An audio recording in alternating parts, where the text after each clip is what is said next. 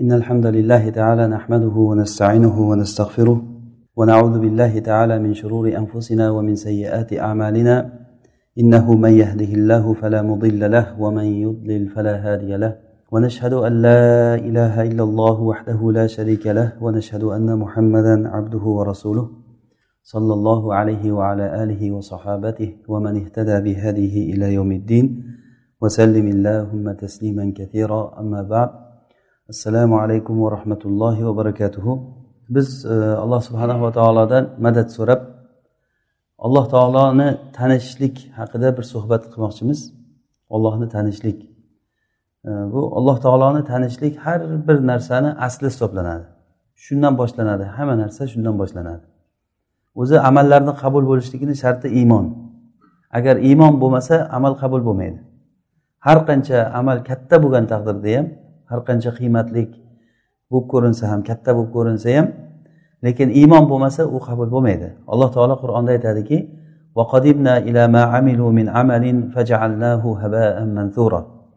biz ularni qilgan amallariga ya'ni kofirlarni qilgan amallarini hammasini xuddi chang to'zonday qilib tashladik.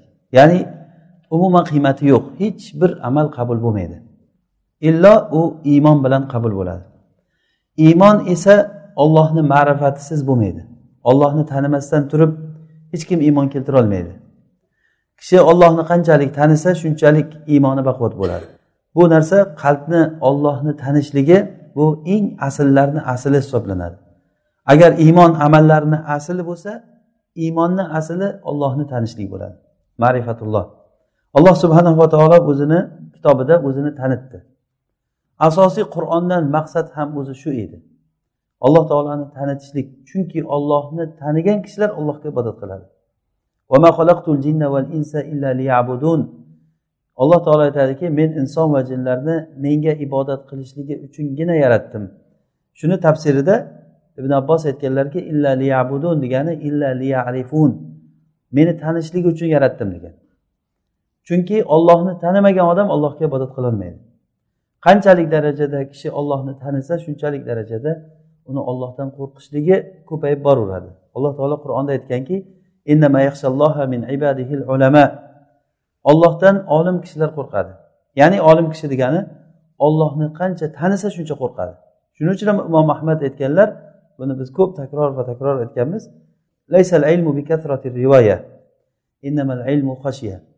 Ilm bu ko'p rivoyat qilishlik bilan emas bu. Haddasana fulan qola fulan. Bu narsani ko'paytirishlik bilan emas ilm. Balki ilm nima? Xoshiya ollohdan qo'rqishlik degani. Ollohdan kim qo'rqadi? Olim kishilar qo'rqadi. Mana bu oyatdan olingan ma'no bu. Demak kishi qanchalik darajada ilmi ko'paysa shunchalik ollohdan qo'rqishligi ko'payib boraveradi.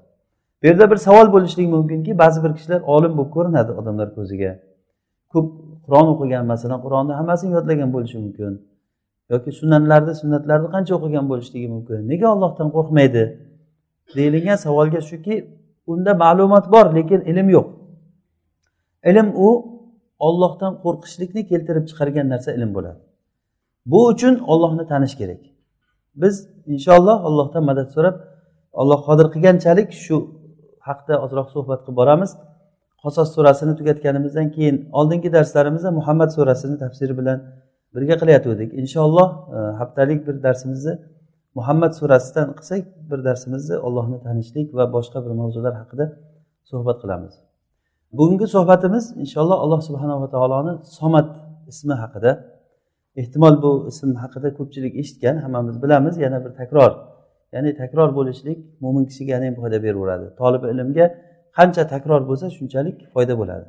Alloh taoloni somat ismi bilan allohga ibodat qilishlik ollohni tanishlik. Alloh taoloni go'zal ism sifatlari ismlari bor. Valillahil asmaul husna fad'uhu biha. Alloh taolo aytadiki ollohni go'zal ismlari bor. Mana shu ismlari bilan ollohga duo qilinglar. Ollohga duo qilinglar degani ollohga duo qilishlik ikki xil bo'ladi. Ollohdan bir narsa so'rab duo qilishlik bu duoul masala deyiladi.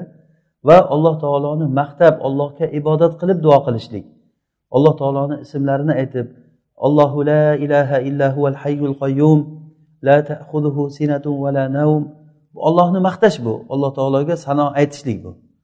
Mana bu bilan ollohga ibodat qilinadi. Masalan ya hayyu ya qayyum ya karim deb alloh taoloni ismlarini aytib ollohga ibodat qilinadi. Alloh taoloni mana shunday go'zal ismlari bor. Shu ismlari bilan alloh taologa duo qilishlik kerak. Bundan boshqasi alloh taoloni ismlaridan boshqa narsaga o'tib ketsa inson haddidan oshgan bo'ladi.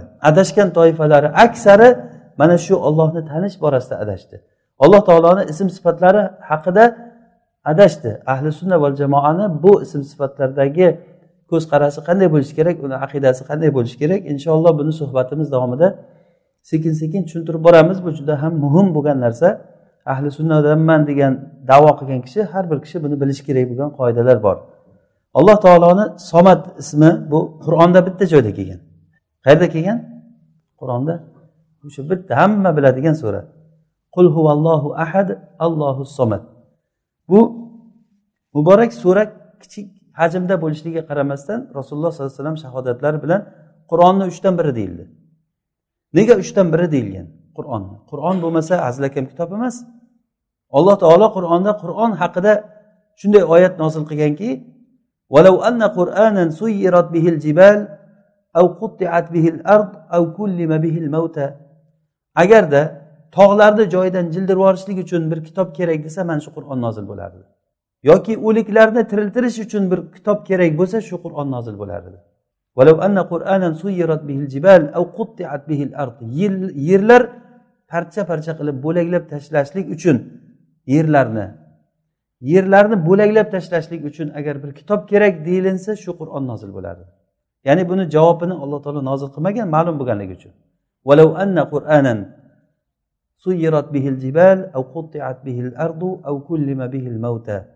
Agar o'liklar tiriltirish kerak bo'lsa lakana hadal qur'an. Mana shu qur'on bo'lardi. Amru jamia.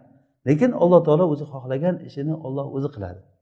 Demak mana shunday buyuk kitob qur'onni ixlos surasi uchdan biriga teng bo'ladi nega desak alloh taoloni bizga eng tanitgan suralardan bu. Shu tanitishlardan biri alloh taoloni biz ilgari rob ismi haqida gapirdik malik va malik va malik ismlari haqida gapirdik eslaringizda bo'lsa. Inshaalloh agar hojat bo'lsa bu narsaga yana bir takrorlab o'tamiz. Bugungi nimamizda suhbatimizda somad ismi. Somad demak qur'onda bir o'rinda kelgan. Allohu somad va hadisda ham bir o'rinda kelgan ashabi sunan rivoyat qilgan shulardan e, abu davud rivoyatida rasululloh sollallohu alayhi vasallam bir kishini duo qilayotganligini eshitdi. Allohimma inni as'aluka bi anni ashhadu bi annaka antallohu la ilaha illa antal ahadus somad alladhi lam yalid va lam yulad va lam yakul lahu kufuvan ahad. Deb duo qilganligini antag'firoli zunubi deb duo qilganligini eshitib bu odam shunday duo bilan duo qildiki ollohni ismi azam duosi bilan ya'ni ollohni eng buyuk ismi bilan duo qildi. Agar shu bilan duo qilsa olloh ijobat qiladi. Agar so'rasa beradigan duo bu. Ya'ni bu narsadan g'ofil bo'lmasligimiz kerak biz.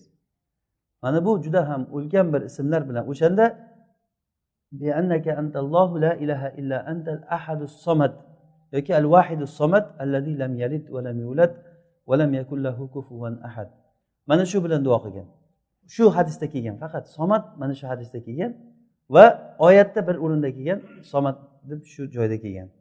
Endi somat ma'nosi arab tilida arab tilida bir necha ma'nolarda keladi somat degani. Birinchisi sayyid ma'nosida keladi. Arablar sayyid kishini sayyid degani qavmni ulug'i degani. Qavmni ulug'i ya'ni ishlar usiz bitmaydigan odamni hada rojulun somat deb qo'yadi. Bu somat odam degani. Ya'ni bu degani ish usiz bitmaydigan odam. Ya'ni hamma fikrda shuni shu odamga suyanadi shu odam nima desa shuni gapi gap degan ma'noda ishlatiladi. Bu lug'atda bu. Yana bir lug'atda somatni ma'nosi ya'ni ichi kavog emas degan ma'noda ishlatiladi. Ya'ni musmat bo'lgan narsa degani ichi kavok emas degani. Ichi kavog bo'lgan narsada ehtiyoj bo'ladi. Nimaki ichi kavog bo'ldimi unda u zaif bo'ladi. Masalul ala masalan ichi kavok narsa bilan ichi to'liq narsani farqi bor. Insonni alloh taolo birinchi yaratgan paytda uni qanchadir vaqt o'zi xohlaganchalik shu yerga yaratgan holatda tashlab qo'ydi. Buxoriyni rivoyatida keladi alloh taolo odam alayhissalomni yaratgan paytda uni uzunligi oltmish ziro bo'lgan. Oltmish ziro sittuna ziroan va eni o'n ikki ziro bo'lgan. Ya'ni bu qirq metrdan ziyod bo'ladi balandligi. Hozirgi agar yana ham nima qilsak mana o'n uch etajlik o'n to'rt etajlik imoratlarga to'g'ri keladi. Odam alayhissalom bo'ylari shunday bo'lgan. Eni ham shuncha. O'n ikki ziro bo'lgan bo'ylari oltmish ziroq bo'lgan. Loydan yaratilgan sopoldan yaratilgan holatda odam alayhissalom shu yotgan holatlarida shayton kelib turib hayron bo'lardi bu qanaqa maxluq ekan bu? deb. Shayton og'zidan kirib orqasidan chiqar edi orqasidan kirib og'zidan chiqar edi va ichi kavok ekanligini ko'rib farishtalarga aytar ekanki bu zaif maxluq ekan chunki buni ichi kavok ekan der ekan. Ya'ni bu zaif zaif maxluq chunki buni ichi kavok. Ichi g'avok bo'lgan narsa ichi g'avok bo'lgan narsa ehtiyoj bo'ladi. Haqiqatdan ham shunday o'zi. Inson ichi g'avok. Inson ichi hammamiz bilamiz insonda e, ichi g'avok kiradigan chiqadigan ya'ni yo'llar bor insonda. Doimiy darajada insonda ehtiyoj bo'lib turadi shu uchun. Ovqat yeysiz yana ozroqdan keyin hechnima yemaganda yana muhtojsiz. Agar zo'r kelsa bir kishiga yig'lab yalinadigan darajada ehtiyojli bo'lib turaveradi odam. Bir qorin to'qlab olgandan keyin shu bilan bir umr bo'ldi. Bir to'ydirib oldim oxirigacha ketdim degan gap yo'q. Yana muhtoj bo'lib turaverasiz. Nafas olishlik kerak. Nafas olishlik ovqat yeyishlik suv ichishlik bu narsaga inson doim muhtoj bo'lib turaveradi. Bundan tashqari ham insonni ehtiyojlari juda ko'p. Olloh insonni mana shunday qilib yaratdi. O'zi xohladi shunday bo'lishligini. Maxluqotlarni hammasini muhtoj qilib yaratdi alloh taolo o'ziga. Alloh taolo fardu samad bo'lgan yolg'iz zot hech narsaga muhtoj bo'lmaydigan zot insonni mana shunday xosatan inson eng muhtoj qilib yaratdi. Inson havoga muhtoj. Masalan olloh qodir edi havo olmaydigan qilib yaratishlikka to'g'rimi?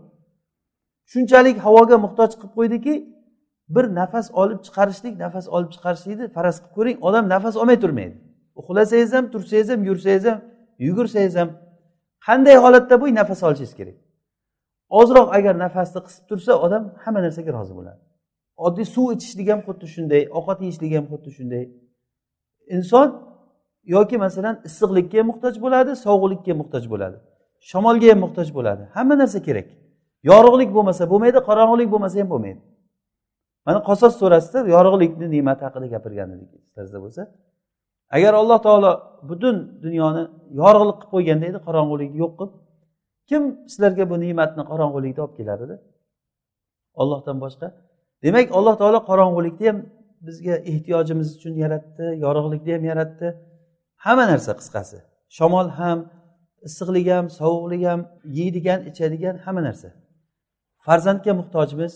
Uylanishlikka muhtojmiz ayollar turmush qurishlikka muhtoj. Ana shunday yaratilgan inson. Inson mehrga muhtoj ilmga muhtoj. Yana o'ylab qarang turgan turmushimiz muhtoj. Hozir mana shu turishimizda ehtiyojimiz bor. Hali biz bilmagan ehtiyojimiz masalan yegan ovqatimizni hazm bo'lishligiga qancha ehtiyojimiz bor? Agar bir kishini agar o'ti yo hazm bo'lishlik jihozlaridan bir joy ishlamay qolsa o'sha odam o'zi bilan o'zi o'tiradi o'tirgan joyida sog'lom odamlar buni sezmaydida bemalol o'tiraveradi uni ichida qancha narsa bo'lib yotibdi. Uni ichida qancha narsalar bo'lyapti. Inson bu narsani farqiga bormaydi. Demak alloh taolo mana shunday insonni muhtoj qilib yaratdi. Ya'ni ehtiyoji umuman tugamaydigan qilib yaratdi. Qiyomat toki jannatga kirguncha jannatga kirgandan keyin insonga alloh taolo hamma narsani muhayyo qilib qo'ydi. Yeydigan ichadigan narsalar hamma narsani alloh taolo insonga muhayyo qilib qo'ydi jannatga kirgandan keyin. Baribir ehtiyoji bor. Jannatga kirgandan keyin ham ehtiyoji bor. Demak alloh taoloni somat ismini somatni bu lug'aviy ma'nosida birinchi ma'nosi sayyid ma'nosida. Ya'ni bu degani usiz ish bitmaydigan zot degani. Sayyid degani usiz ish bitmaydigan degani ikkinchi ma'nosi g'avok emas degan ma'noda bo'ladi. Ammo shar'iy ma'noda shar'iy ma'noda somat degani ma'nosi butun haloyiqlar ollohga muhtoj bo'ladigan zot degani. Ya'ni huvashayulladi yasmadu ilayhi kullu shay. Yasmad degani unga boshini ko'tarib unga ehtiyojini shikoyat qiladi. Hattoki e'tibor bersangiz kabutar tuxum qo'yish paytida boshini tepaga ko'tarib ovoz chiqarar ekan. Tovuq ham tuxum qo'yish paytida boshini osmonga ko'taradi. Hatto tuya ham. Agar tuyani bolasini tortib olib qo'yilsa o'zidan tuyadan bolasini tortib olib qo'yilsa tuya nola qiladi. Xuddi odam yig'laganda yig'lab ko'zlaridan yosh oqizib keyin oxirgi ishi boshini osmonga ko'tarar ekan. Ya'ni ollohga ehtiyojini nola qilib turib ehtiyojini shikoyat qiladi. Sulaymon alayhissalom yomg'ir so'rash uchun chiqdilar. Yomg'ir so'rash uchun mo'minlar bilan ketishlik paytlarida yo'lda bir chumolini osmonga qarab turib duo qilib turganligini eshitdilar. Chunki sulaymon alayhissalom hayvonlarni tillarini o'rgatilingan u kishiga shunda yomg'ir so'rab turgandi chumoli. Bu kishi shunda qaytdiki bo'ldi qaytaveringlar bizdan boshqalar o'zi so'rab bo'lgan ekan yomg'irni deb qaytib keldilar. Ya'ni o'sha chumoli ham osmonga qarab turib ollohga hojatini shikoyat qilyapti. Hamma narsa butun maxluqot kim bo'lishidan dengizdagi baliqlarni olasizmi boshqani olasizmi bizni turgan turishimiz alloh taologa hojatimiz bor.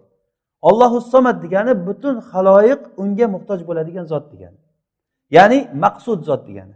Maqsud degani u qasd qilingan. Nima hojatingiz bo'lsa ollohdan so'rang. Nima hojat bo'lsa hattoki qushlar hozir aytganimizdek qushlar masalan kabutar yoki tuya yoki tovuqni misol qildik hayvonlarni hammasi alloh taologa ehtiyojmand bo'lib turganda bu johil inson va faqat shu inson bilan jin inson ollohdan boshqadan hojatini so'raydi. Yana kimdan so'raydi deng? O'ziga o'xshagan bir muhtojdan so'raydi. Undan ham yomonrog'i qabrdan borib so'ragan paytda u qabrdagi yotgan odamdan so'rasa u o'lik u o'lgandan yoki bir haykalni oldiga borib butdan so'raydigan odam. O'sha haqida alloh taolo qur'onda aytadiki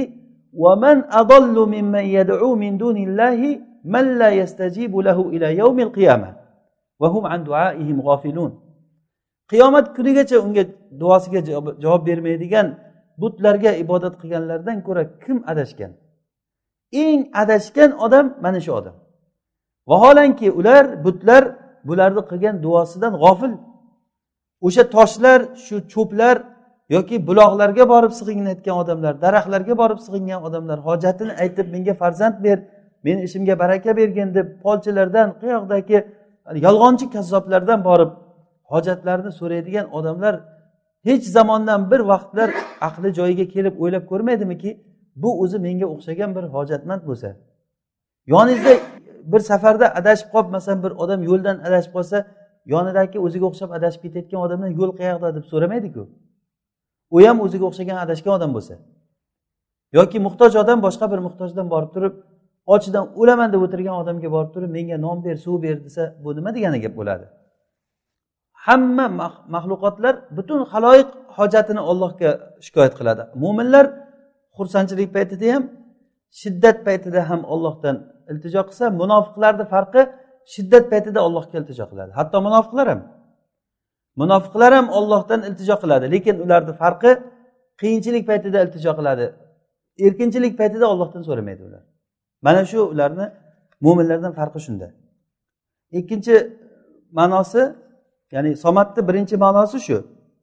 Ikkinchisi alloh taoloni ya'ni hozir samatni lug'aviy ma'nosida g'avak emas degan ma'noni bildirdik. Ya'ni alloh taolo la javfalahu ya'ni g'avak emas degan ma'noda ishlatiladi. Ya'ni buni kayfiyati allohga ma'lum. Qanday ekanligi? Qanday ekanligi? Biz alloh taoloni sifatlari haqida gapirganimizda ma'nolariga iymon keltiramiz. Ma'nolariga. Masalan alloh taolo eshitadimi eshitadi qanday eshitadi biz u tomonni bilmaymiz. Kayfiyati allohga ma'lum. Laysa kamislihi shay alloh taolo hech narsa olloh alloh taolo hech narsaga o'xshamaydi. Hech bir narsa ollohday emas. Alloh taolo eshituvchi alloh taolo ko'ruvchi shu xuddi shunday alloh taolo insonlarga o'xshab ichi g'avok emas. Uni kayfiyati allohga ma'lum. Allohu samad degani mana shu ma'noni ham beradi. Uchinchisi somad deganiga hamma sifatlarda komil ma'nosini beradi. Ya'ni somad degani arab tilida komil ma'nosida ham ishlatiladi alloh taolo xoliqligida komil alloh taolo quvvatida komil alloh taolo jabarutida jabrida azoblashligida komil. Azoblayman desa alloh taolo yetarlicha azob qilib qo'yadi. Agar ne'mat beraman desa ne'mat yetarli darajada ne'mat berib qo'yadi alloh taolo. Alloh taolo hikmat sohibi hikmatli ekanligida komil hikmat sohibi. Va ilmida alloh taolo komil. Hech narsaga alloh taolo muhtoj bo'lmaydi. Ibn qayim rahimaulloh xuddi shu ma'noni badaiul favaid kitobida aytgan ekanlar.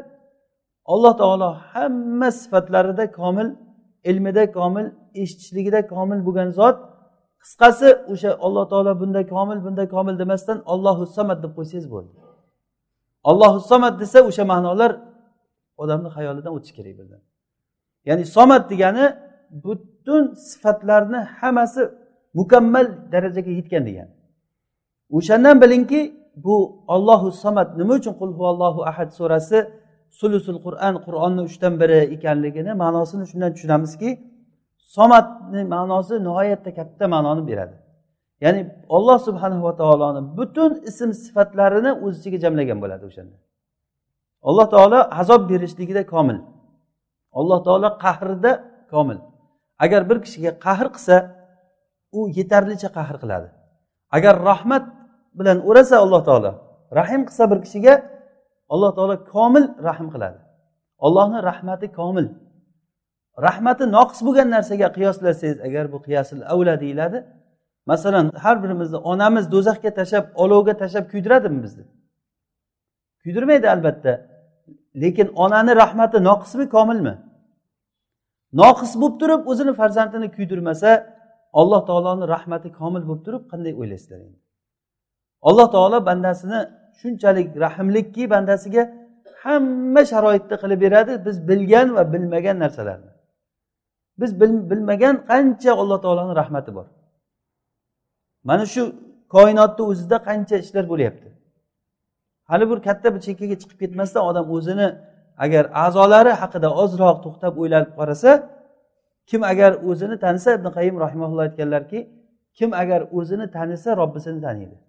Kim o'zini qanchalik o'zini ojiz ekanligini bilsa o'zini muhtojligini bilsa va bu ehtiyojini qayerdan qonayotgan ekanligini bilsa o'z uz o'zidan alloh taologa sajda qilib yuboradi odam. Inson ma'rifati shunday narsaki qalbga ma'rifat kirgan zahoti inson boshqacha insonga aylanib qoladi. Bu narsa biz bilan sahobalarni o'rtamizni ajratadigan narsa shu o'zi. Mana sad ibn abi vaqqos sad ibn abi vaqqos makkada o'zini onasiga yaxshilik qilishlik bilan mashhur kishi bo'lgan. Sad ibn abi vaqqos onasiga juda ko'p yaxshiliklar qilgan. Keyin rasulullohga iymon keltirdilar. Iymon keltirganligini ko'rib onasi rozi bo'lmadi. Sen bizni ota bobolarimizni dinimizdan aynading. Qaytasan bu yo'lingdan deganda bu kishi qaytmadilar. Agar qaytmaydigan bo'lsang men ovqat yemasdan ochimdan o'laman dedi. Ochimdan o'laman keyin odamlar ichida sharmandang chiqib yuradiki bu onasini o'ldirgan degan narsani bir umr eshitasan sen ovqat yemay qo'ygan onasi. Hattoki ovqat vaqti bo'lganda taxtani og'ziga tiqib cho'p bilan og'zini ochib ovqat tiqib majburlab bir ikki qultum ovqat yutqizadigan darajada ovqat yemay qo'ygan. Shunchalik darajada ovqat yemay qo'ygan ekan. Shunda saat onasiga aytgan ekan ey ona men ollohga iymon keltirdim. Agar sizni yuzta nafsiz bo'lib har kuni bitta bitta chiqib ketsa ham men bu dindan qaytmayman xohlang yeng xohlang ochizdan o'ling degan ekan. Shunda alloh taolo shu haqda qur'on nozil qildi. Va injahadaka ala an tushrika bima bihi ilmun fala tuti'huma. Agar seni ilming yo'q bo'lgan narsada seni bir narsaga majburlasalar ularga itoat qilma. Va sohibhuma fid dunya ma'rufa. Lekin kofir bo'lsa ham ota onang bu dunyoda ularga yaxshilik qilgin lekin seni kofir bo'lishlikka undasa ollohga osiy bo'lishlikka undasa unda ularga itoat qilmagin degan. Mana bu kishi mana shu holatda qarangki boshqa oldingi onasiga yaxshilik qilib yurgan holatida ollohga bo'lgan iymon u kishini tamomiy boshqacha insonga o'zgartirib qo'ygan. Ya'ni inson bir kalima insonga kirib ma'rifat insonni tamomiy boshqacha odamga aylantirib qo'yishligi juda ko'p tarixda bo'lgan. Bizni muammomiz nimada? Ehsos. Sezgi organlarimiz deymizmi? Bir narsaga e'tiborimiz yo'q g'ofil bo'lib qolganmiz. Atrofimizda qancha qancha ibratli voqealar bo'lib o'tib ketaveradi undan pandi nasihat olish degan narsa yo'q. Hayot xuddiki refleks shakliga ya'ni bu xuddi bir odatiy holga aylanib qolgan. Ertalab bo'lyapti kechqurun bo'lyapti ertalab bo'lyapti kechqurun bo'lyapti hayotdan qayoqqa ketyapmiz bu moshina? Hozir bu hayotni nimasi? Arabasi oldinga qarab turib bu sayyora ketyapti oldinga qarab. Bir kuni kelib turib jarga tushadi bu jarga tushish degani bizni o'limimiz degani. Har birimizniki shu ketyapti shu yoqqa qarab to'xtamasdan ketyapti. Bir kuni borib turib jarga tushadi lekin o'sha jarga tushgan paytda jannatni bog'iga tushadimi yoki do'zaxni chog'iga tushadimi? Bundan panda nasihat olishlik uchun odamga ozroq ehsos kerak. Mana qanabiyni voqeasini aytib bergandik qanabiyni. Shubat ibn hajjajni qo'lida u kishi tavbaga kelgan. Basrada juda yam aroq ichadigan alkash odam bo'lgan. Aroq ichadigan juda ko'p aroq ichib bir kuni aroq ichaman deb sheriklari bilan bir joyga ketishlikni va'dalashib yo'lga chiqib turgan paytda shobat ibn hajjaj shoba ya'ni bu kishi nima muhaddislardan katta islom imomlaridan hisoblanadi. Xuddi abu hanifa imom shofiy imom molik deymiz xuddi imom moliklar qatorida imom moliklardan ham ko'ra katta kishilardan bo'lgan. Shu kishi shogirdlari bilan katta bir jamoat bilan kelganda u kishini ajablantirgan bu shayx kim ekan bu? Kim bu deganda bu muhaddis bu degan. Muhaddis nima qiladi deganda hadis aytadi. U hadis aytish qanaqa bu muhaddis bir narsa sotadimi? Deb kim u muhaddis nima ish qiladi deganda ular aytgan hadis aytadi. Keyin borib turib shu eshagini jilovidan ushlab turib to'xtatib qani menga bir hadis aytib berginchi degan. Shunda ozroq o'ylanib turib turib shuba sanadi bilan qolib haddasana fulan qola haddasana fulan deb qola rasululloh sollallohu alayhi vasallam inna mimma adraka nas min kalami nubuvatil ula idza lam tastahi fasna ma shi'it odamlar oldingi payg'ambarlar nubuvvatidan odamlar yetib borgan ilmi ya'ni xulosasi shuki agar uyalmasang bilgan ishingni qilaver degan. Uyalmasang bilganingni qilaver mana shu joyda u kishini qalbiga shu kirib keldi. Bitta kalima shu kelgandan kirib keldi. Shunday islomga birdan tavba qildi. Uyiga qaytib kelib turib uyidagi aroq bochkalarida aroqlar turgandi. Hamma bochkalarni yiqitib onasiga aytgan ekanki ey ona meni o'rtoqlarim kelsa meni ketgan deb ayting men endi yo'qman. Chiqib odamlardan so'ragan ekanki eng olim kim? deb so'raganda eng olim molik deyilgan ekan. Imom molik madinada bo'lgan u kishi basrada hozirgi iroqda. Shu joyda iroqdan to'g'ri madinaga qarab jo'navergan borib imom molikni oldida o'tirib imom molik o'lgunicha imom molikdan dars olgan. Imom molik o'lganlaridan keyin keyin qaytib borganda o'zi shuba o'lgan bo'lgan ekan. Shuning uchun ham qanabiy bu buxoriyni shayxi bo'ladi. Imom buxoriyni ustozi.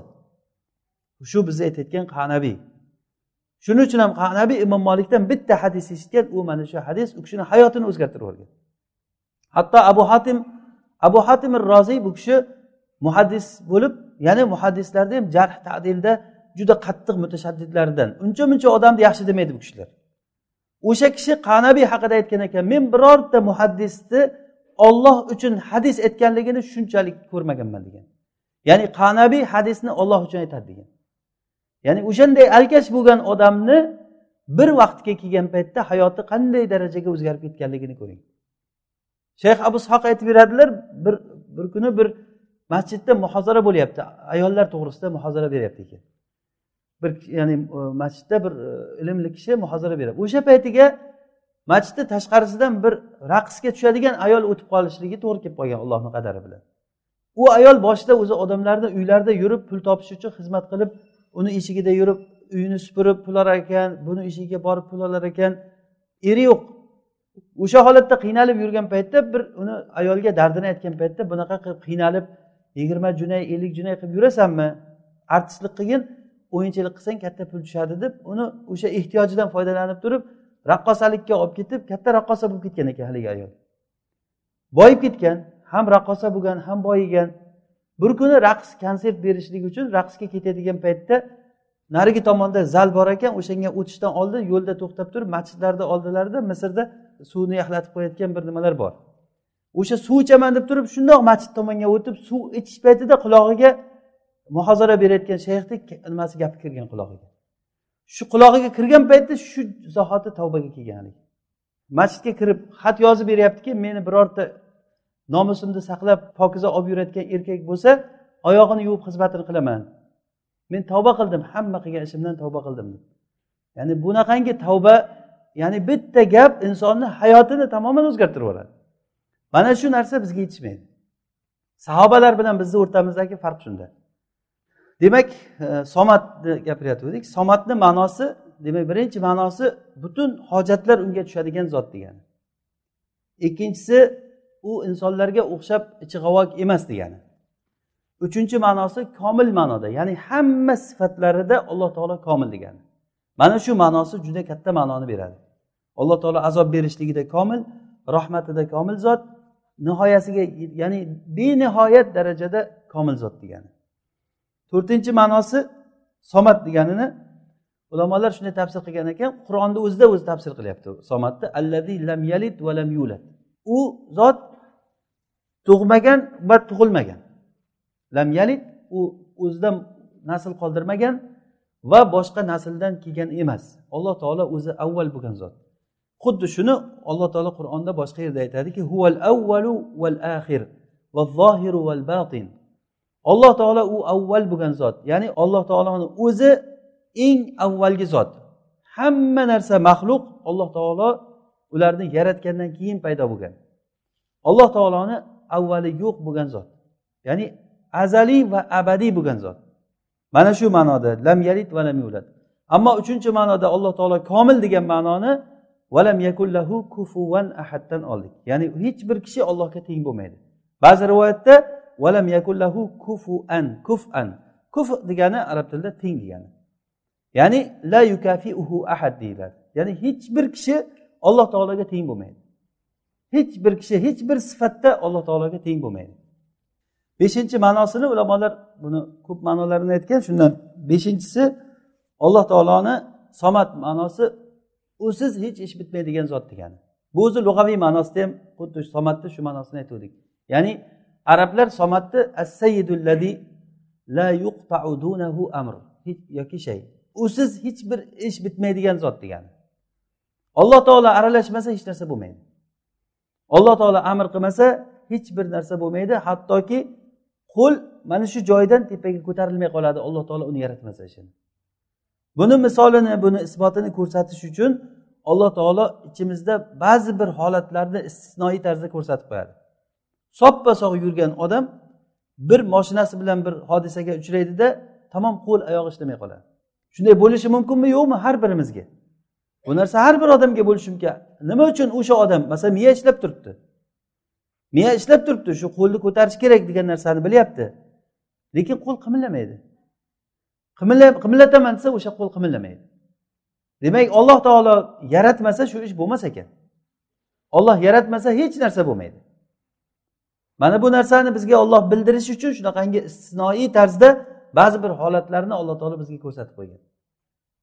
Eslaringizda bo'lsa bir hikoyasini aytib bergan edik. Muhammad hasson aytib bergan misrda bir katta boy kishini olti yuz million dollar pulimni qo'limni bir ishlatishlikka almashaman deydi. Bir nimada moshinada avariya bo'lib ishlamay qolgan bo'ynidan pasti ishlamay qolgan. To'shakda yotib qolgan kunduzi bilan shopir shopirim xizmat qiladi deydi. O'g'li bor ekan o'g'li ketgan xotini o'lgan o'shanda boshqa hech kim yo'q. Kunduzi bilan xizmat qiladi kechasi bo'lganda shopirim yaxshi uxlab yotgan bo'ladi. Uyg'otay desam ichim achiydi haligiga bir bir badanlarim qichiydi o'shani tindalashga qo'lim bormaydi. Agar qo'lim borsa shu pulimni hammasiga almashaman deydi. Olti yuz million dollarga shu bir marta tindalab qo'yishlikka almashaman deydi. Bu ne'matni hech bir hayotda odam o'ylab ko'rganmi yo'qmi buni? Agar olloh buni nima uchun ko'rsatyapti? Nimaga bu xabar bizga yetib kelyapti? Takror takror aytilinib ollohni qadari bilan bo'lyapti bu. Ya'ni bu narsa bizga shuni eslatadiki bilingki olloh agar yaratmasa qo'liz qimillamaydi joyida oyog'im qimillamaydi ko'zimiz yopilmaydi ochilmaydi. Shunday qolib ketadi odam. Mana o'lgan odamdan ko'ramiz buni. O'lgan odamni ruhini alloh taolo olib qo'ygandan keyin qarang. Shunday bir narsaga aylanib qoladiki tezroq olib borib ko'mish kerak bo'lib qoladi boshqa narsaga arzimaydi. Har qancha biz uchun aziz odam bo'lsa ham olib borib qabrga ko'mib kelishdan boshqa narsa emas. O'sha holatga bir kuni hammamiz ham tushib qolamiz. Bu narsani biz bilaylikki alloh taolo bizga yordam berib turibdi. Hatto ko'zimizni ochilib yopilishligi ham qo'limizni bitta harakati ham sochimizdagi bitta tola tukni o'sishligi va to'kilishligi ollohni amri bilan bo'lyapti. Ollohu somat degani mana shu ma'noni beradi. Ya'ni ollohu somat degani biror bir ish uni iznisiz uni boshqaruvisiz bo'lmaydi degan. Hech bir ish katta kichik ish bo'lsin kichik ish bo'lsin. Agar shu ma'noga iymon keltirgan odam ollohdan boshqadan agar yana umid qilsa o'zidan ko'rsin odam. Agar shu ma'noga iymon keltirgan odam ollohdan boshqadan qo'rqsa ollohdan boshqani malomatidan qo'rqsa ollohdan boshqani rozi qilaman deb turib ollohni g'azablantirsa bu odamdan ko'ra johil odam bo'lmasa kerak.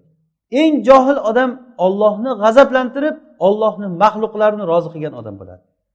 Va eng ahmoq odam ham shu. Undan ham ko'ra ahmoqrog'i ollohni g'azablantirib o'zini hayo o'zini hayotida rohat qilish uchun emas boshqa bir odamni dunyosini obod qilgan kishi bo'ladi. Na bu hayotda bir yaxshi yashaydi munofiq bo'lib na bir oxiratda buni bir nasibasi bo'ladi. Demak ollohu somad deganligi juda katta ma'nolarni ifoda qiladi hozir. Agar anglab qarasak alloh taolo butun sifatlarida komil bo'lgan zot va yana beshinchi ma'nosi shuki u usiz ish bitmaydigan zot degani. Hech bir ish usiz bitmaydi. Kulla yawmin huva fi sha'n. Har bir kunda alloh taolo bir nimani o'shani tafsirida shu oyat tafsirida ar rohman surasini mana o'qiganimizda mana shu narsa hayolimizga kelishi kerak. Allohu samad hayolimizga kelishi kerak birdan. Ya'ni kulla yawmin huva fi sha'n degani ollohni holatidan biri o'ldiradi tiriltiradi. Kimlarnidir uni aziz qilyapti kimlarnidir xor qilyapti kimlarni kasal qilyapti kimgadir shifo beryapti. Va hokazo har kuni bir ish sodir bo'ladi. Mana shu ish ollohni qiladigan ishlarida biz shunda aylanib aylanib aylanib ketaveramiz. Xuddiki bir ta'bir joiz bo'lsa daryoda oqadigan suvga o'xshaymiz biz. Olloh xohlagan tomoniga qarab oqizadi biz o'sha daryoda bir birimizga urilib urilib urilib oqib ketaveramiz. To'xtalmaysiz orqaga qaytolmaysiz ollohni qonuni mana shunday. Faqatgina bu yerda bizdan talab qilingan narsa biz qalbimiz bilan agar ollohni tanisak bundan ko'ra baxtli narsa bo'lmaydi biz uchun. Hayot xohlang xohlamang o'tib ketadi. Bir kuni kelib turib hammamizni hayotimiz tugaydi. Lekin oqibat kimga bo'ladi? Oqibat taqvodor odamlarniki bo'ladi. Kim taqvodor bo'ladi? Ollohni tanigan odam taqvodor bo'ladi. Rasululloh aytdilar ana a'lamukum billahi va atqokum lillah. Men sizlarni eng ollohni tanuvchiroqlaringman va eng ollohdan taqvo qiluvchilaringman. Ollohdan taqvo qiladigan odam kim? Ollohni ko'p tanigan odam bo'ladi. Alloh subhanahu va taolo yana takror aytamiz o'zini kitobida o'zini tanitdi. Mana shu tanitishligida olloh o'zini ism sifatlari bilan tanitdi. Mana buni arablar juda yam yaxshi tushungan. Somat kalimasini arablar juda yaxshi tushungan. Hozir biz qur'oni karim tarjimalarida ollohu somatni tarjimasiga qarasangiz olloh behojatdir deb yozib ketadi. Olloh behojatdir degani somatni to'liq ma'nosi emas. U bir juziy ma'nosi bir. To'g'ri behojatligini ma'nosi. U behojat deganda behojatlik bilan maqtov bo'lmaydi balki boshqalarni hojati unga tushadigan deyish kerak. Bu bir. Ikkinchidan sifatlarida komil degan ma'noni aytilmayapti bu yerda. Ya'ni ollohu somat degani alloh taolo butun sifatlarida komil degani hamma sifatida komil ilmida komil alloh taolo qudratida komil bo'lgan zot hamma hamma sifatlarda alloh taolo komil degani. Va yana oxirgi ma'nosi nima bo'ldi? Ollohu somad deganligi usiz ish bitmaydigan zot degani. Hech bir ish ollohni vakolatisiz bitmaydi. Allohu ala kulli shayin vakila. Alloh taolo hamma narsani vakili. Ya'ni nima degani bu? Vakili degani? Sabablar bilan sabablar bilan natija o'rtasida ollohni vakolati bor olloh ruxsat bermasa o'sha ish bo'lmaydi. Masalan olov kuydiradi. Olov kuydirib yondirishlikka sabab bo'ladi. Kuydirib yondirishlikka sabab bo'ladi. Lekin olloh buyursa o'sha kuydiradi olloh buyurmasa kuydirmaydi. Buni alloh taolo ibrohim alayhissalomga o'xshab ba'zi bir misollarda alloh taolo buni ko'rsatib qo'ydi. Olovga tashlangan paytda olov kuydirmadi. Nega kuydirmadi? Chunki alloh taolo olovga nima dedi? Ey olov ibrohimga salomat bo'lgin dedi. Kuni bardan va salaman ala ibrohim. Ibrohim alayhissalom olovdan kuymasdan shunday olovdan yurib chiqib ketganligini ko'rib otasi ozor aytgan ekan seni robbing judayam yaxshi zot ekan ey ibrohim degan. Nemar robbu robbuka ya ibrohim degan ekan. Ya'ni ey ibrohim seni robbing eng yaxshi rob ekan degan. Baribir kofir bo'lgan. Ya'ni qudratini alloh taolo ko'rsatib qo'yibdi. Hozir bizga alloh taolo qudratini ko'rsatmayaptimi? Har bir narsani rizqi ollohga emasmi? Alloh subhanahu va taolo kimni rizqini o'zidan boshqaga topshirib qo'ydi aytingchi. Nimani rizqini deylik? Kimni ham emas. Na qushni aytasizmi na bir baliqlarni aytasizmi? Hayotda nimani ayting rizqi kimga? Rizqi ollohni zimmasiga. Shunga iymon keltirganmizmi biz? Alloh taolo qur'onda aytadiki biror bir yerda o'rmalab yuradigan jonivor yo'qki uni ichida inson ham kiradi uni ichiga chumolilar ham kiradi pashalar ham bitlar burgalar hamma narsa kiradi. Biror bir joni bor narsa yo'qki illo uni rizqi ollohni zimmasiga alalloh uni rizqi ollohga toki alloh taoloni bir rahmati bo'ldi ki bizni rizqimizni o'zidan boshqaga qilib qo'ymadi. Agar bizni rizqimizni o'zidan boshqaga qilib qo'yganda insonlar o'shanga ibodat qilib ketishligi mumkin edi. Chunki bu rizqimizni beryapti deb. Bir farishtani agar bir tog'ni ustiga tushirib qo'yib yo bir baland joyga chiqarib qo'yib kim nima so'rab borsa o'shanga farishta beraversa farzand kerakmi? Bor ana farishta beryapti. Bor farzand kerak menga o'g'il kerak menga qiz kerak menga pul kerak menga kasal edim shifo ber u ber bu ber. Nima desangiz beraversa u farishta. Odamlardan o'sha farishtaga ibodat qiladimi? Aniq o'sha farishtaga ibodat qilib ketadi ollohni rahmatidan biror bir ishni alloh taolo o'zidan boshqaga topshirmadi. Bo'lmasa olloh qodir edi bitta maxluqini tushirib qo'yib bitta farishtasini tushirib qo'yib bu ishlarni bajartirishlikka alloh taolo bajartirdi ham. Yomg'irlarni yog'dirdi maloikalarga qorlarni tushirtirdi shamollarni estirtirdi. Butun katta koinotlarni ishlarini maloikalarga bajartirdi lekin hech bir rizqni maloikani qo'liga qo'yib qo'ymadi. Bu rizq olloh aytdiki meni o'zimni zimmamda dedi. Odamlarni umri ollohni zimmasida bo'ldi. Alloh taolo belgilab berdi falonchi falon vaqt yashaydi. Falonchi falon vaqt yashaydi faloncha vaqtda o'ladi deb yozdirdi farishtaga. Ibn masudda hadisida kelgan. Ya'ni o'shanda aytganki sizlarni bittalaringni jamlanishligi onasini qornida qirq kun nutfa holatda bo'ladi. Keyin qirq kun u alaqa holatda laxtaqon holatida bo'ladi. Undan keyin bir chimdim bir tishlam go'sht holatida bo'ladi. Bir yuz yigirma kun bo'lgandan keyin farishta yuboriladi va shu farishtaga alloh taolo buyuradi bu odam qancha umr ko'radi? Qancha narsani yeydi rizqi qancha? Qancha rizqi bor qancha umri bor va amali qancha? Va jannatimi do'zaximi shunda yozdiradi alloh taolo. Buni ishini alloh taolo hech kimga na bir farishtaga na payg'ambar na bir vali solih kishilarga bu narsani qo'yib qo'ymadi. Bu ham alloh taoloni katta bir rahmatidan bo'ldi. Mana bu narsalar bizga ollohni somat ekanligini bildiradi. Ollohu somat demak mana shu beshta ma'noda keladi. Beshta ma'noda keladi. Takrorlaymizmi? Birinchisi nima ma'no ekan? Birinchi ma'nosi butun maxluqotlar unga muhtoj degani. Ikkinchi ma'nosi insonlarga o'xshab ichi g'avok emas degani. Uni kayfiyati ollohga qanday ekanligini olloh biladi. Buni takror aytamiz buni. Yaxshilab tushuningizlar buni. Uchinchisi nima bo'ldi? Sifatlarda komil degani. Ya'ni hamma sifatlarida komil. Mana bu somatni eng katta ma'nolaridan to'rtinchisi somat e, bu o'sha uchinchidagi hamma sifatlarda komil deganligini valam yakullahu kufvan ahaddan tushundik. Ya'ni hech bir narsa ollohda emas. Mana bu somatni ma'nosi. Va yana somatni bir ma'nosi lam yalid va lam yulad. To'rtinchi ma'nosi bu. Tug'magan va alloh taolo tug'ilmagan. Tug'ish va tug'ilish bu insonlarda maxluqlarda bo'layotgan olloh yaratgan bir narsa bu. Alloh taolo na farzandga na ayolga na yeyish ichish bunaqangi narsalarga hech bir narsaga muhtoj bo'lmagan zot. Balki boshqa maxluqotlar ollohga muhtoj bo'ladi. To'rtta bo'ldi. Beshinchisi nima bo'ldi? Usiz ish bitmaydi degan. Beshta ma'no bo'ldi. Ya'ni usiz ish bitmaydi. Yana takrorlaymiz. Somatni birinchi ma'nosi nima bo'ldi? Butun maxluqotlar unga muhtoj bo'lgan zot. Maqsud zot ya'ni u qasd qiladi. Biror ishingiz bo'lsa ollohga qarab ketaverasiz. Xuddi hozir aytganimizdek masalan e, parrandalar ham hayvonlar ham hammasi ollohga muhtoj bo'ladi. Ikkinchi ma'nosi olloh insonlarga o'xshab ichi g'avok emas. Uchinchi ma'nosi olloh hamma sifatlarida komil. To'rtinchi ma'nosi olloh tug'ilmagan va o'zidan nasl qoldirmaydigan zot. Va beshinchi va oxirgi ma'nosi nima bo'ldi?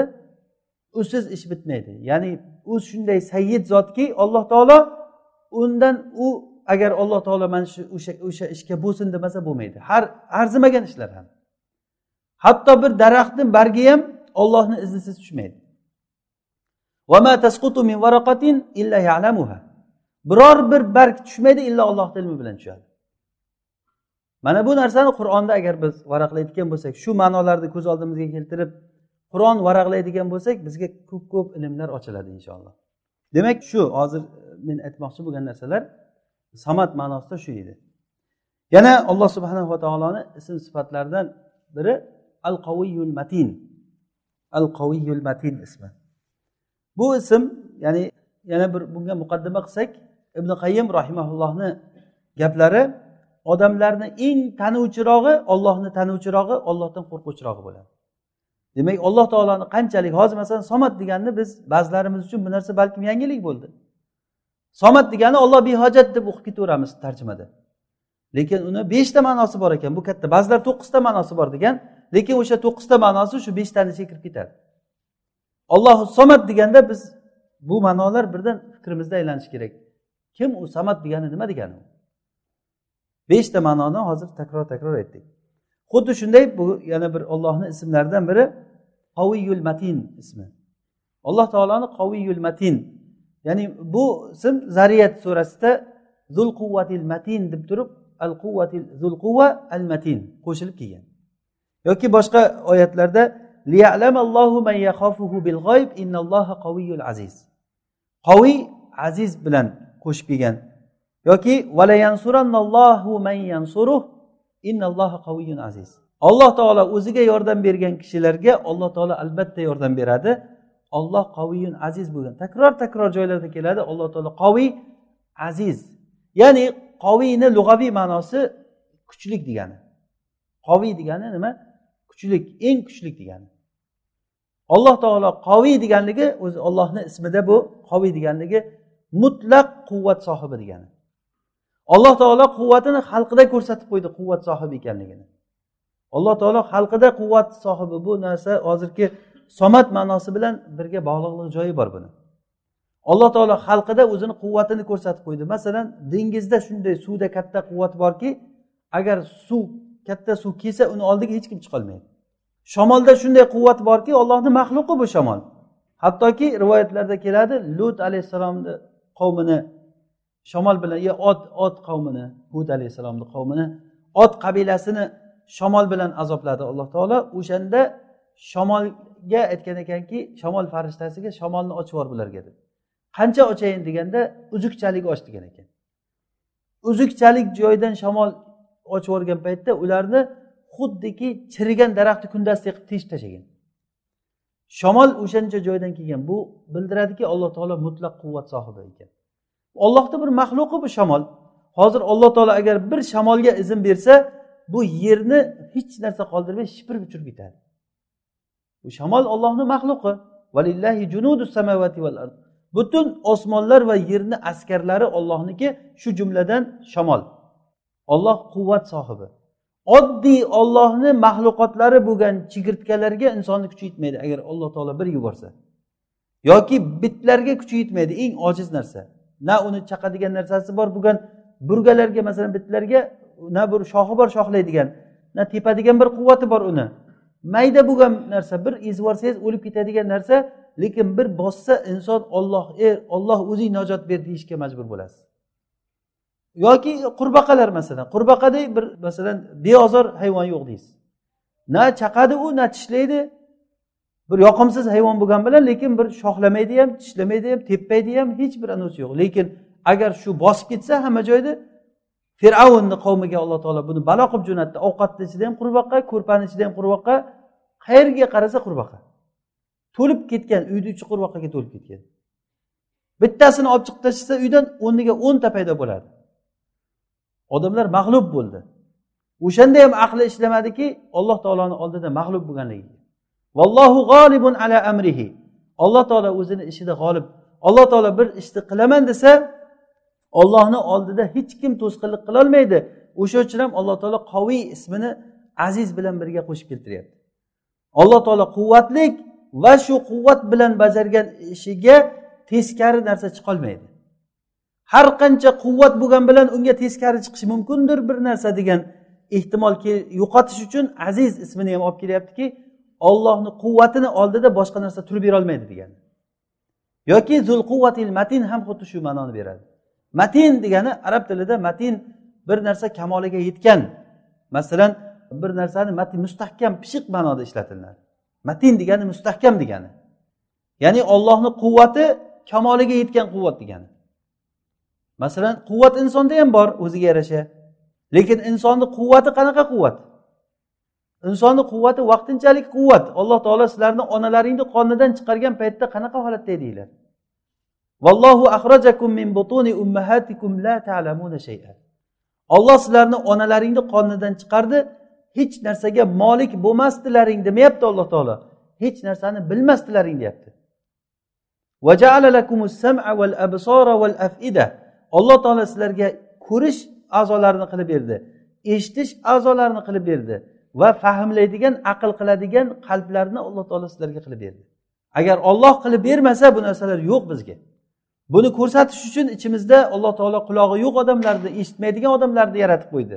Ko'rmaydigan ko'zi ojiz odamlarni yaratib qo'ydi va aqli ishlamaydigan qalbi qalbi ishlamaydigan fahmlamaydigan odamlarni yaratib qo'ydi. Toki biz ko'raylik o'shalardan ibrat olaylik. Olloh xohlasa sizni ham mana shunday qilib qo'yishligi mumkin. Hozir ham qilib qo'yishi mumkin buni. Olloh o'zi quvvatli bo'lgan zot. Ollohu g'olibun ala amrihi. Alloh taolo o'zini ishida g'olib bo'lgan zot. Lekin odamlarni aksari bu narsani bilmaydi. Lekin achinarli joyi shuki aksarunnas odamlarni ko'pchiligi mana shu ma'noni ochiq ma'noni bilmaydi. Quvvatni o'zida deb biladi yoki quvvatni o'zgada o'ziga o'xshagan bir insonlarda deb biladi yo bir partiyalarda deb biladi yoki bir davlatlarda kuchli kuchli davlatlarda quvvat bor deb biladi. U kuchli odamlarga quvvatni kim beryapti o'zi? Nimada? Masalan kuchli davlatni quvvati nimada uni? Ya'ni o'sha chiqargan kompyuterlaridami? Ularni osmonga uchiradigan o'sha raketalaridami? Alloh taolo bitta xususiyatini olib qo'ysa raketa ham uchmaydi hech narsa bo'lmaydi. O'sha odamlarga kim aql beryapti? O'sha odamlarga kim rizq beryapti?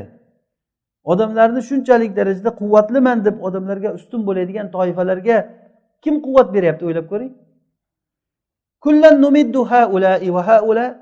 Mana isro surasida alloh taolo aytganki ana ularga ham biz madad beramiz mo'minlarga ham va mana bularga ham biz madad beramiz kofirlarga ham degan.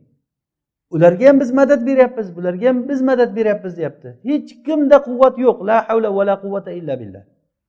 La havla va la quvvata illa billah. Biror bir kuch quvvat yo'q. La havl degani biror holatdan ikkinchi holatga o'zgarish yo'q. Havlun degani arab tilida o'zgarish degani.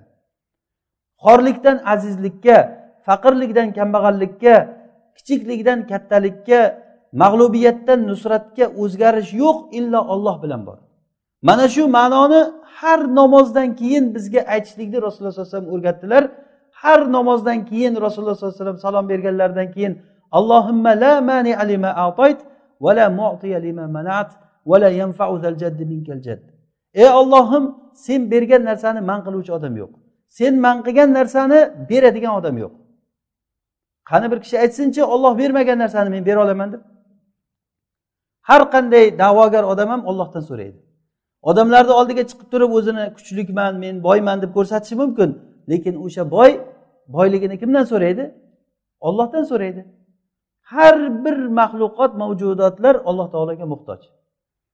Alloh taolo o'zini somatligini ko'rsatishlik uchun ham mana yuqoridagi somat nimasida har bir sharafli odamni yerga urib ko'rsatib qo'ydi. Ya'ni bu ollohni kavniy sunnati bo'ldi. Biror bir qush qancha balandga uchmasin illa o'sha uchganday tushadi pastga. Har qancha sharafli boy bo'lsin har qancha davlatlarni boshqarib turgan guldiroz urib turgan davlat rahbarlari bo'lsin bir kuni kelgan paytda u pastga tushadi. Iloji yo'q bu ollohni qonuni bu. Tan olsa ham tushadi tan olmasa ham tushadi. Burnini yerga ishqab tushiradi alloh taolo. Buni o'zimizni gavdamizda ko'rishligimiz mumkin. Gavdalar mana bir paytlar qancha kuchli bo'lgan yigitlik vaqti sekin sekin sekin o'tib bir kun qarasa ko'z yaxshi ko'rmayapti bir kun qarasa quloq yaxshi eshitmayapti. Odam bilgan narsalari esdan chiqib ketyapti. Bu narsa nimani bildiradi? Ollohi somat ekanligini bildiradi. Hammamiz mana shu ehtiyojda bir xilmiz. Ehtiyojimiz tugamaydi bizni alloh taolo o'zi beradi. Onani qornidagi chaqaloqqa alloh taolo rizq berib uni kundan kunga sekin sekin katta qiladi. Har bir narsaga onasini emib katta bo'ladigan chaqaloqlardan boshlab toki o'sha qabrga kirgunizcha alloh taolo o'zi rioyasiga olgan. Hech kim biror bir zarracha misqolicha ham sizga narsa berolmaydi ham o'sha narsani sizdan ololmaydi ham. Bu narsaga quvvatli zot alloh taoloni o'zi vahuval qaviyul aziz. Alloh taolo aynan rizq borasida shu kalimani ishlatdi. Zul quvvatil matin deb turib zul quvvatil matin. Alloh taolo razzoq va yana qanaqangi razzoq kuchlik komil quvvat sohibi bo'lgan razzoq ya'ni o'ylamanglar alloh taolo razzoq bo'ladigan bo'lsa yetmay qolishi mumkin yoki bo'lmay qolishi mumkin olloh beraman degan paytda qarshilar bo'lib qolishligi mumkin bunga. Degan narsa xayolga kelmasin. Alloh taolo zul quvvatil matin kuchlik quvvat sohibi bo'lgan razzoq. O'zi rizq qilib bersa hech kim ololmaydi uni. Ollohni bergan narsasini hech kim ololmaydi. Mo'min kishi doim alloh taoloni quvvatidan ana shunday bahramand bo'ladi. Alloh taoloni quvvatidan biz so'raymiz agar olloh bizga quvvat bermasa biz toat qilolmaymiz shuning uchun ham namozga hayya ala sola hayya alal falah degan paytda nima deymiz? La havla va la quvvata illa billah. Kuch quvvat olloh bilan. Agar olloh bizni namoz o'qiydigan qilib qo'ymasa namoz o'qiolmaymiz o'qiyman desa ham o'qiyolmayotgan odamlar bormi? Ruku qilaman desa ham ruku qilolmaydigan odamlar bormi? Sajda qilaman deydi qilolmaydi.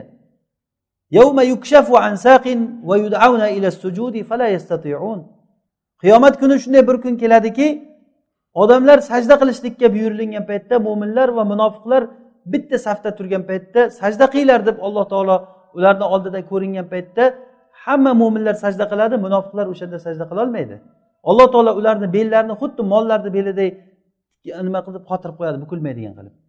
Alloh taolo bu narsalarga qodir. Alloh taolo bizga foydali ilmlarni bersin. Alloh taolo o'zini tanitib allohga yo'liqqan paytimizda haqiqiy mo'min bo'lib yo'liqishlikka alloh taolo o'zi tavfiq bersin. Va axiru davana alhamdulillahi robbil alamin. سبحانك اللهم وبحمدك نشهد أن لا إله إلا أنت نستغفرك ونتوب إليك.